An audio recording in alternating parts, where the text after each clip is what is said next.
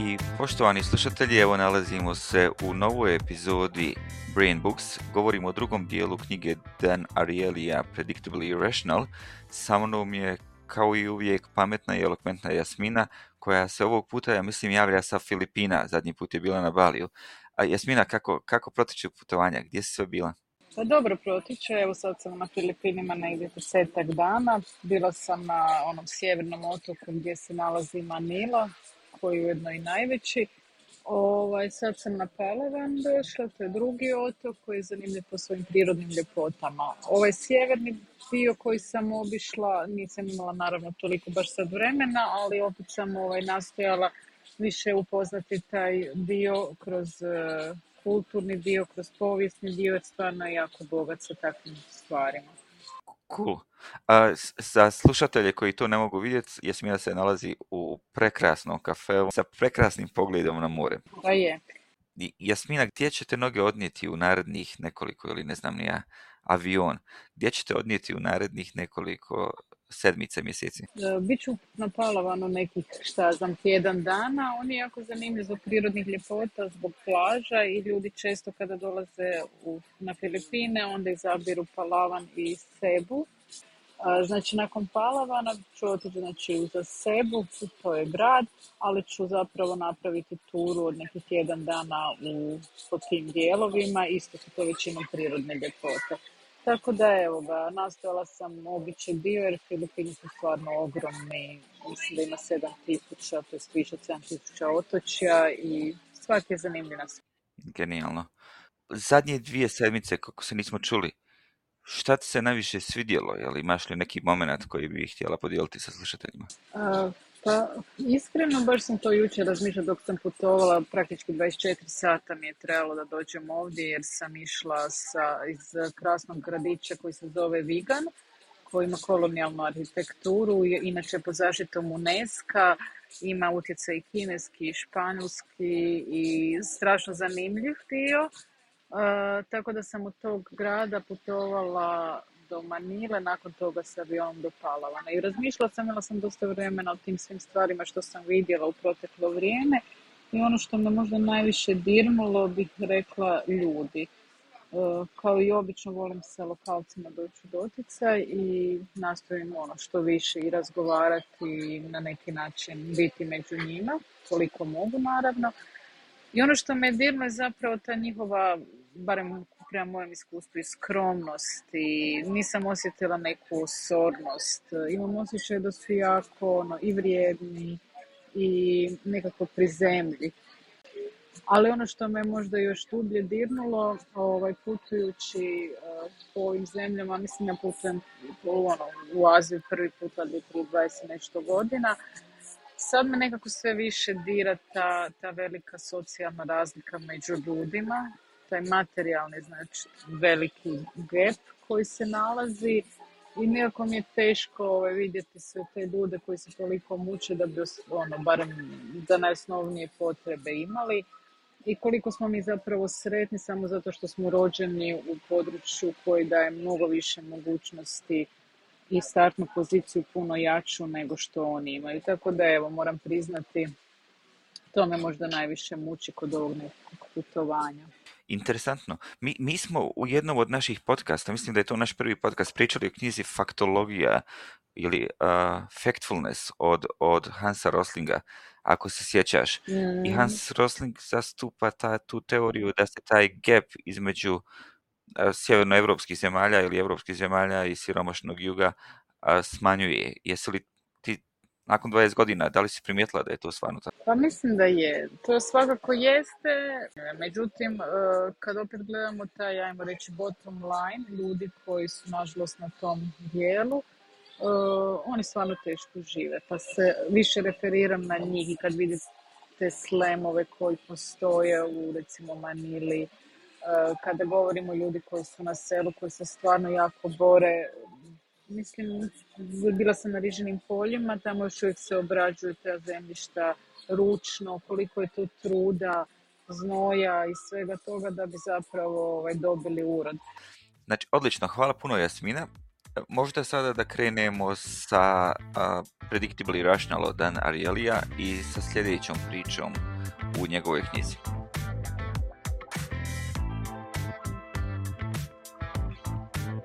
kad smo kod jeftinih stvari, ne znam da li je ovo dobra prilika da pričamo o efektu eh, aspirina koji košta 2 eura u odnosu na aspirin koji košta 10 centi. Pa dobro, da, možemo. Zapravo koliko placebo efekt utječe na naše odluke, to jest eh, na naše reakcije, gdje on tu govori o tome eh, gdje su radili zaista istraživanja. Doduše, meni se to stvarno malo činilo nevjerovatno, pogotovo kada je govorio o onim nekim operacijama, mhm. da je postao taj placebo efekt. E, kaže, meni se malo čini to čudno, ajmo reći kod ovih nekih lijekova da bi možda čak i imalo efekta. E, znači, kada mi nešto uzimamo, praktički ako je skuplji pod navodnike lijek, imamo osjećaj da ima jače e, svojstvo. Sad se malo Erni brinem, jer naš podcast je nula kuna to je nula eura. Da, da, to znači da ne valja ništa ili šta? Ovo je vrlo subtilno da ovaj, uvodimo pretplatu, jel? ne šalim se. Moram financirati svoje putovanja od nečega. Upravo tako. Upravo tako. Ne samo knjige, nego i podcast. šalim se, naravno. Ali interesantan, interesantan je eksperiment taj što, se, što je za, za, za aspirin. Znači, šta su oni napravili? Oni su napravili E, jedan eksperiment gdje su napravili e, lažni lijek protiv bolova. Jel? Taj lažni lijek protiv bolova je u principu bila samo tableta sa vitaminom C, znači nije, imala nikakvog nikakve veze. Ispitanik bi došao u ordinaciju atraktivna sestra, pod navodnicima, koja je u principu radila u Arielovom timu, bi rekla ispitanicima 92% pacijenta koji su primili ovaj lijek su osjetili značajno olakšanje bola unutar tih 10-15 minuta je već im to snizlo bol i to olakšanje je trajalo i do 8 sati. Da li to zbog lijeka ili zbog zgodne sestre? E, to je sad dobro pitanje. Ovaj, mada, e, ispričat, ću dalje. Interesantno je bilo da kada su pacijentima rekli da, da lijek košta 2,5 dolara po tableti, e, svi ispitanici su rekli da nakon tog eksperimenta, nakon uzimanja tih lijekova, da im je lijek stvarno ublažio bol. Znači 100% ispitanika su prijavili oblažavanje bolova. isti taj lijek, znači isti taj, ta tabletica C vitamina je data drugoj, drugoj skupini, gdje, a njima je rečeno da ta tabletica košta, ne znam, ja 5 centi ili 10 centi ovaj, po, tableti, znači vrlo, vrlo povoljna, i kada su ljudi testirali tu tabletu, koja je ista kao i u prvoj skupini, samo 50% ispitanika je ovaj, prijavilo oblažavanje bola. Znači šta to znači? Što je, što je lijek skuplji, to je njegova efikasnost, njegov učinak izraženi. Da, u principu to se često zapravo i radi da bi ljudi imali ono što smo rekli sa crnim biserima, nešto nedostižnije, nešto skuplje, jednostavno izaziva, ajmo reći, neke konotacije ko što su između ostalo i taj što se mhm. govori o dio. On, on, je, on je čak otišao dalje, ako se sjećaš u knjizi, i napravio još jedan eksperiment gdje kaže, možda, ok, možda je to samo psihološki, ali možda taj placebo efekt stvarno pomaže, jel? I onda je napravio tabletu, jel? Gdje, gdje je ljudima rekao, ok, ako popijete ovu tabletu, ona poboljšava kognitivne sposobnosti i, i poboljšava mentalno funkcioniranje. Jel? Grupa koja je popila to piće koje navodno poboljšava kognitivne sposobnosti je popravila stvarno rezultat testova za 3,3 pitanja bolje u odnosu na kontrolnu skupinu, znači ljudi koji su radili test bez da su popili to piće. Jel? Samo što su im rekli, ok, ovo piće će vam poboljšati kognitivne sposobnosti i bolje ćete rješavati, ne znam, ja testove, ljudi su stvarno počeli rješavati bolje testove samo iz tog, nekog psihološkog uvjerenja da, da su dobili neki magični napitak. Dobro, ipak nešto moraju i znati da bi riješili testove, ali svakako da sugestija, ovo što smo govorili već i prije, da utječe na naše stanje, tako da samim time ono što smo prije spomenuli, mislim da to stvarno ovaj, pokazuje sa svim ovim istraživanjima, koliko ovaj, zaista ima efekt. Vodi me to isto na, na jedan dio u knjizi Jasmina gdje on priča o tome kako uzimanje zakletve prije rješavanja testa te sprečava da varaš na, na testovima, jel? Pa meni je zapravo to poglavlje jedno od e, najzanimljivijih. Zapravo e, kada sam i prije čitala bilo mi je jako zanimljivo. Naime, e, dosta nas kada smo u uredu, neka ćemo otuđiti olovku, neku malu stvar i možda to nećemo smatrati ne krađom. I on to objašnjava koliko na nas djeluje e, nešto kada nema tu novčane razmjene. I to je to što zapravo mi, iako smo i pošteni građani, u nekim trenucima možda nećemo to vidjeti jer nema tu neku istaknutu vrijednost. I zato mi je to poglavlje bilo znakovito. Zašto? Recimo tada se u to vrijeme dogodio i Enron. Još nekoliko tako značajnih e, kompanija koje su propale, isključivo zato što je, ajmo reći, top level management radio neke stvari koje nije trebao raditi kriminalne de facto E, da ne govorimo o utjecaju tih revizorskih kuća koje također nisu to napravili posao kako su spadali. Znači svi ti ljudi vjerovatno nikada ne bi otišli i opljačkali banku. E, sada je prisutno jako puno, ajmo reći, i krađa kroz e, transakcije gdje mi zapravo ne vidimo taj novac. I on to pokušava, e, zapravo ne pokušava, nego sa istraživanjima pokazao da kada mi nemamo tu novce u igri, da su ljudi puno podložni prevarama jer to zapravo ne vide kao neku prevaru. tako da to je zapravo jako značajno istraživanje gdje ljudi postaju relativiziraju poštenje, to jest moral. Mhm. Upravo zbog toga što ne vide konkretno neke stvari. I onda on apelira za ovo što si ti govorio, da bi eventualno sa takvim nekim, ajmo reći, zakletvama ili to, osvijestili da i to je zapravo krađa. Mhm. On, u principu tu na, navodi jednu stvar gdje kaže, ok, ako vi sjedite u uredu i nazove vas supruga i kaže, treba, treba nam, ne znam, ja, kćerci za domaću zadaću crvena olovka, možeš li je ponijeti s posla, ako ti je tu na stolu, ti ćeš je vjerojatno uzeti, donijeti da, da ona napiše tu zadaću. Alternativno, kada bi morao uzeti iz firmine kase cash, vjerojatno to ne bi, zato što uzimanje keša bi bila, bi smatrao krađom, ali uzimanje olovke ne bi, jer je to i tako i tako potrošni materijal. Da, i to je isto zanimljiv jedan primjer kad je on u frižideru ostavio šest konzervi nekog pića i na tanjuru 6 dolara. E, polako su te, ta pića nestaje, pod navodnike nestaje. Ljudi su ih uzeli, nisu imali problema. Međutim, nitko nije uzeo niti jednu novčanicu. Mm. I to je zapravo nevjerovatno. Znači, nisu imali problema uzeti neki napitak, ali su zapravo o, ovaj, imali problema uzeti keš. I to je to. E, to, je, to, to je stvarno genijalan primjer gdje, ti ne vjeruješ u principu i, iste vrijednosti, ali ljudi kažu ok, možda i meni neko mazno piće nekad, pa tako da. I, ja ću sad uzeti, ili stoji piće i tako i tako u frižderu. Da, ali ovdje on ne ostavlja samo ono što je isto jako meni lijepo što je on naveo kao primjer. To nije samo na nivou privatne fizičke osobe, nego koliko zapravo u kompanijama koriste isto takve neke metode kao recimo aviokompanije za milje ili banke vezano za određene kredite ili kartice, gdje oni zapravo inkorporiraju neke stvari što bi mi de facto i mogli kategorizirati, ajmo reći, prevaru kupca, upravo zbog takvih nekih stvari i manipulacije sa time. I to mi se svidjelo jer on ne samo da proziva e, fizičke osobe kao što su svi mi i našu moralnost, nego i ljude koji su kao što je znači Enron i svi ti da trebaju voditi e, računa o samoj politici. S tim što on kaže, znači postoje, dvije stvari, znači postoje, postoje takozvane društvene norme i, i poslovne norme, jel?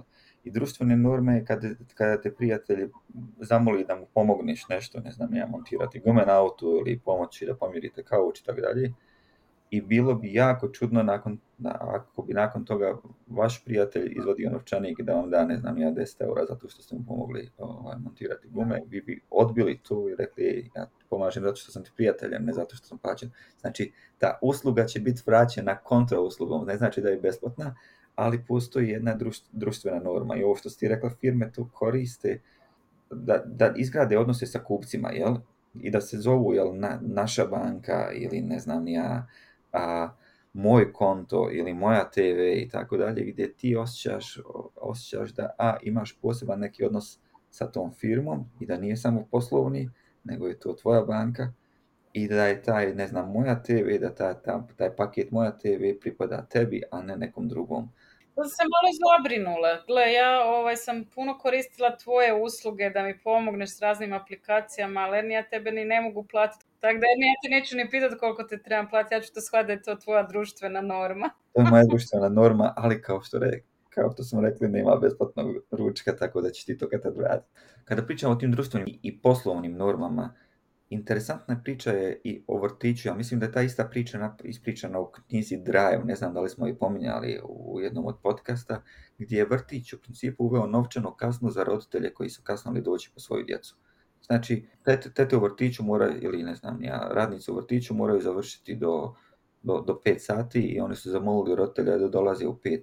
I roditelji su u principu držali toga da dođu, da dođu do 5, nekad neko zakasni, nekad ne zakasni i tako dalje. Da bi održali to striktno dolazak na vrijeme roditelja, oni su uveli novčanu kaznu za roditelje koji zakasne. Šta se desilo nakon toga?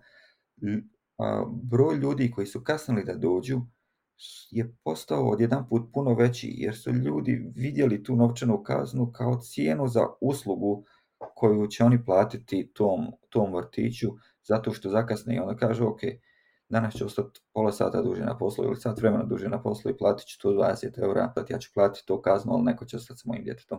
Prije toga su imali oni moralnu obavezu i tu neku društvenu obavezu da imaju dobar odnos sa, sa tim tetama koji su čuvali njihovo djecu i nisu, uh, nisu kasnile zbog tih osoba koji isto tako imaju porodicu. Onog trenutka kada je uvedena kazna, kada je taj, ta transakcija poslala ne društvena nego poslovna, ljudi su počeli kasniti jer su bili spremni toliko platiti koliko je ta kazna iznosila.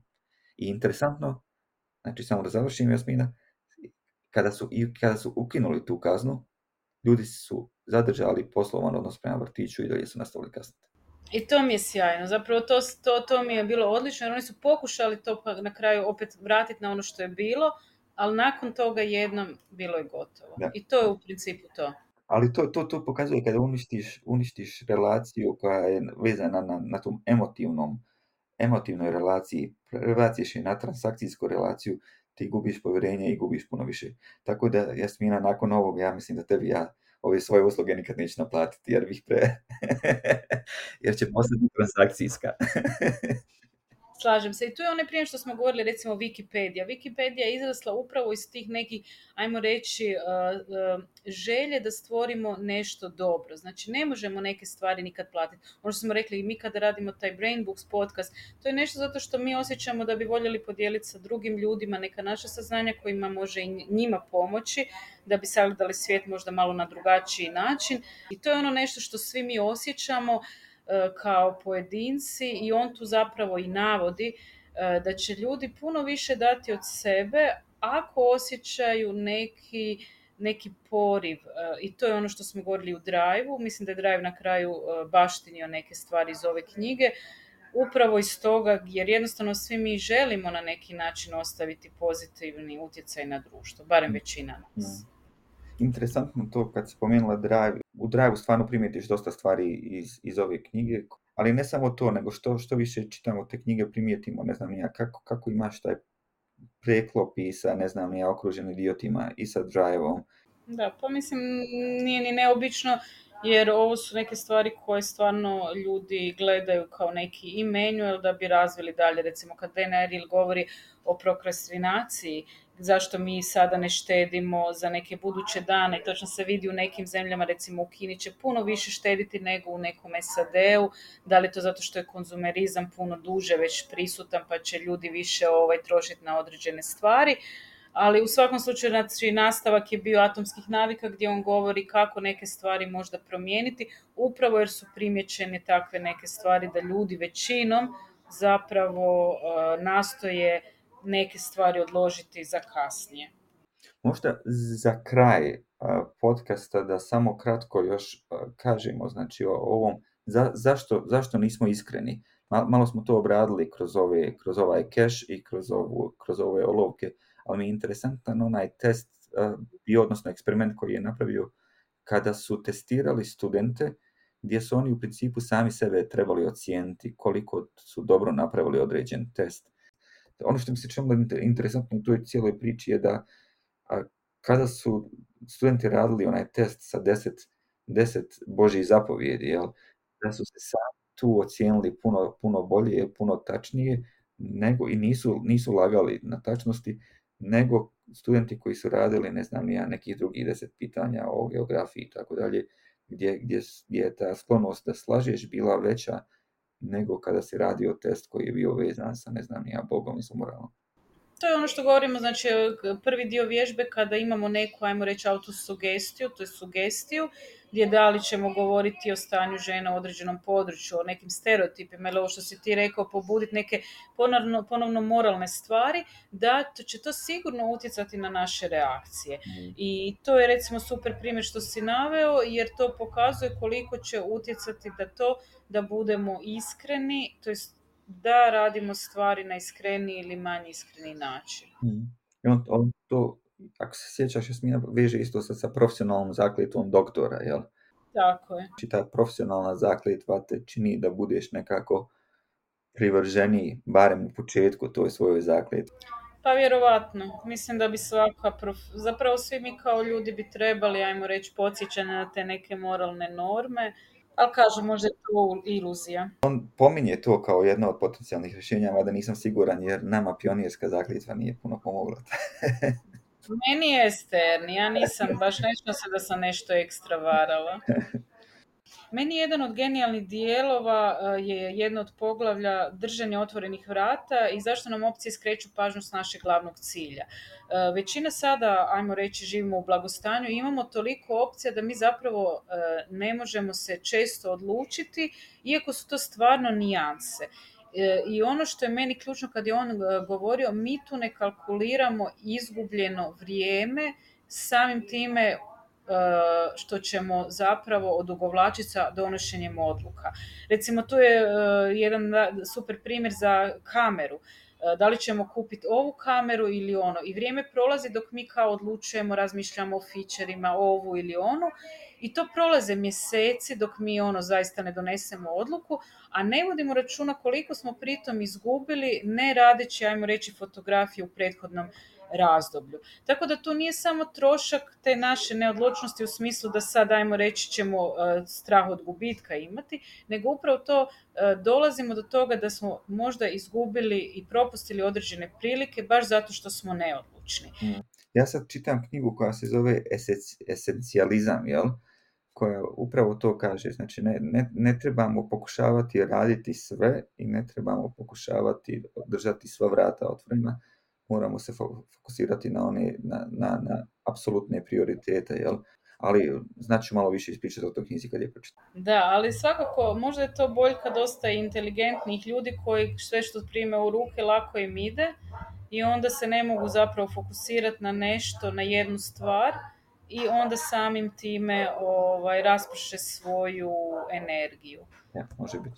I znaš šta je efekt očekivanja mi isto jako zanimljiv gdje e, koliko smo mi uvjetovani okolinom, s time da moram priznati u tom dijelu mi se svidjelo kada je govorio o mjestu za pijenje kave. Mhm. Ako je ono lijepo uređeno, vjerojatno smo spremni platiti bolju cijenu. Ja moram priznati da je to moja također odluka. Ovaj, volim da sam u lijepom okruženju i platit ću ipak kavu više. Time smo skupa pročitali ovu knjigu Predictably Irrational od Dan Ariela.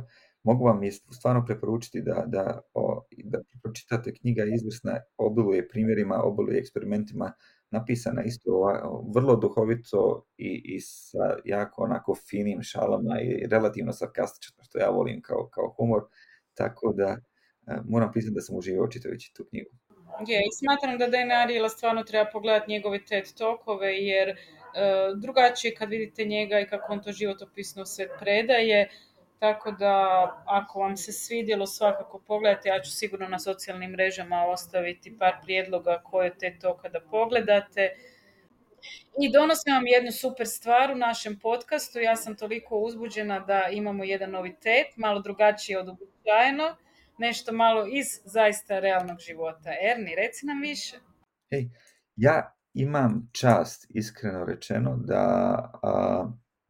idem na, na predavanja MIT-a. Znači, MIT je po nekim istraživanjima apsolutno naj, najbolji fakultet na svijetu, već 13. godinu ispred, ispred Harvarda. I idem na časove koji podučavaju o tome kako pregovarati i kako, kako kako, a pregovori nisu win-win situacija, nego to na MIT-u zovu mutual gains approach. I volio bih prenijeti par stvari koje sam naučio na MIT-u kroz ovaj podcast, da malo ispričamo kako, kako možemo te, ta predavanja iskoristiti ne samo u poslovnom, nego i u privatnom životu. Ja, sam, ja moram priznati da se jako, jako radujem da podijelimo sve to s vama jer mislim da ipak takve neke stvari nisu baš česte i moram priznati Erni, ja sam ponosna zato što si ti na, dobio mogućnost tako nešto ovaj, slušati. Malo sam i ljubomorna, ali mi je drago da ćeš ti to podijeliti s nama tako da onda mogu preživjeti kao što smo pričali u Outliersima, dosta toga je na faka i, i sreća, tako. I deset tisuća odrađenih sati, tako da ne mislite da je to ovaj, samo sreća. Iako ste rođen po srećom za zvijezdom, ali... Ja, biti rođen na pravom mjestu u pravo vrijeme jeste ali super, znači pričat ćemo malo o knjigama koje je napisao moj profesor Lawrence Suskind. Suskind je napisao inače Parfem, to znaš, jesi čitao. Ja doduše ne znam kako ti literaturu lijepe ovoj književnosti čitaš, jesi ti išta koliko si ti fan takve literature, to je sad out of record. Mislim da nije to isti Suskind. Pa naravno da nije, je.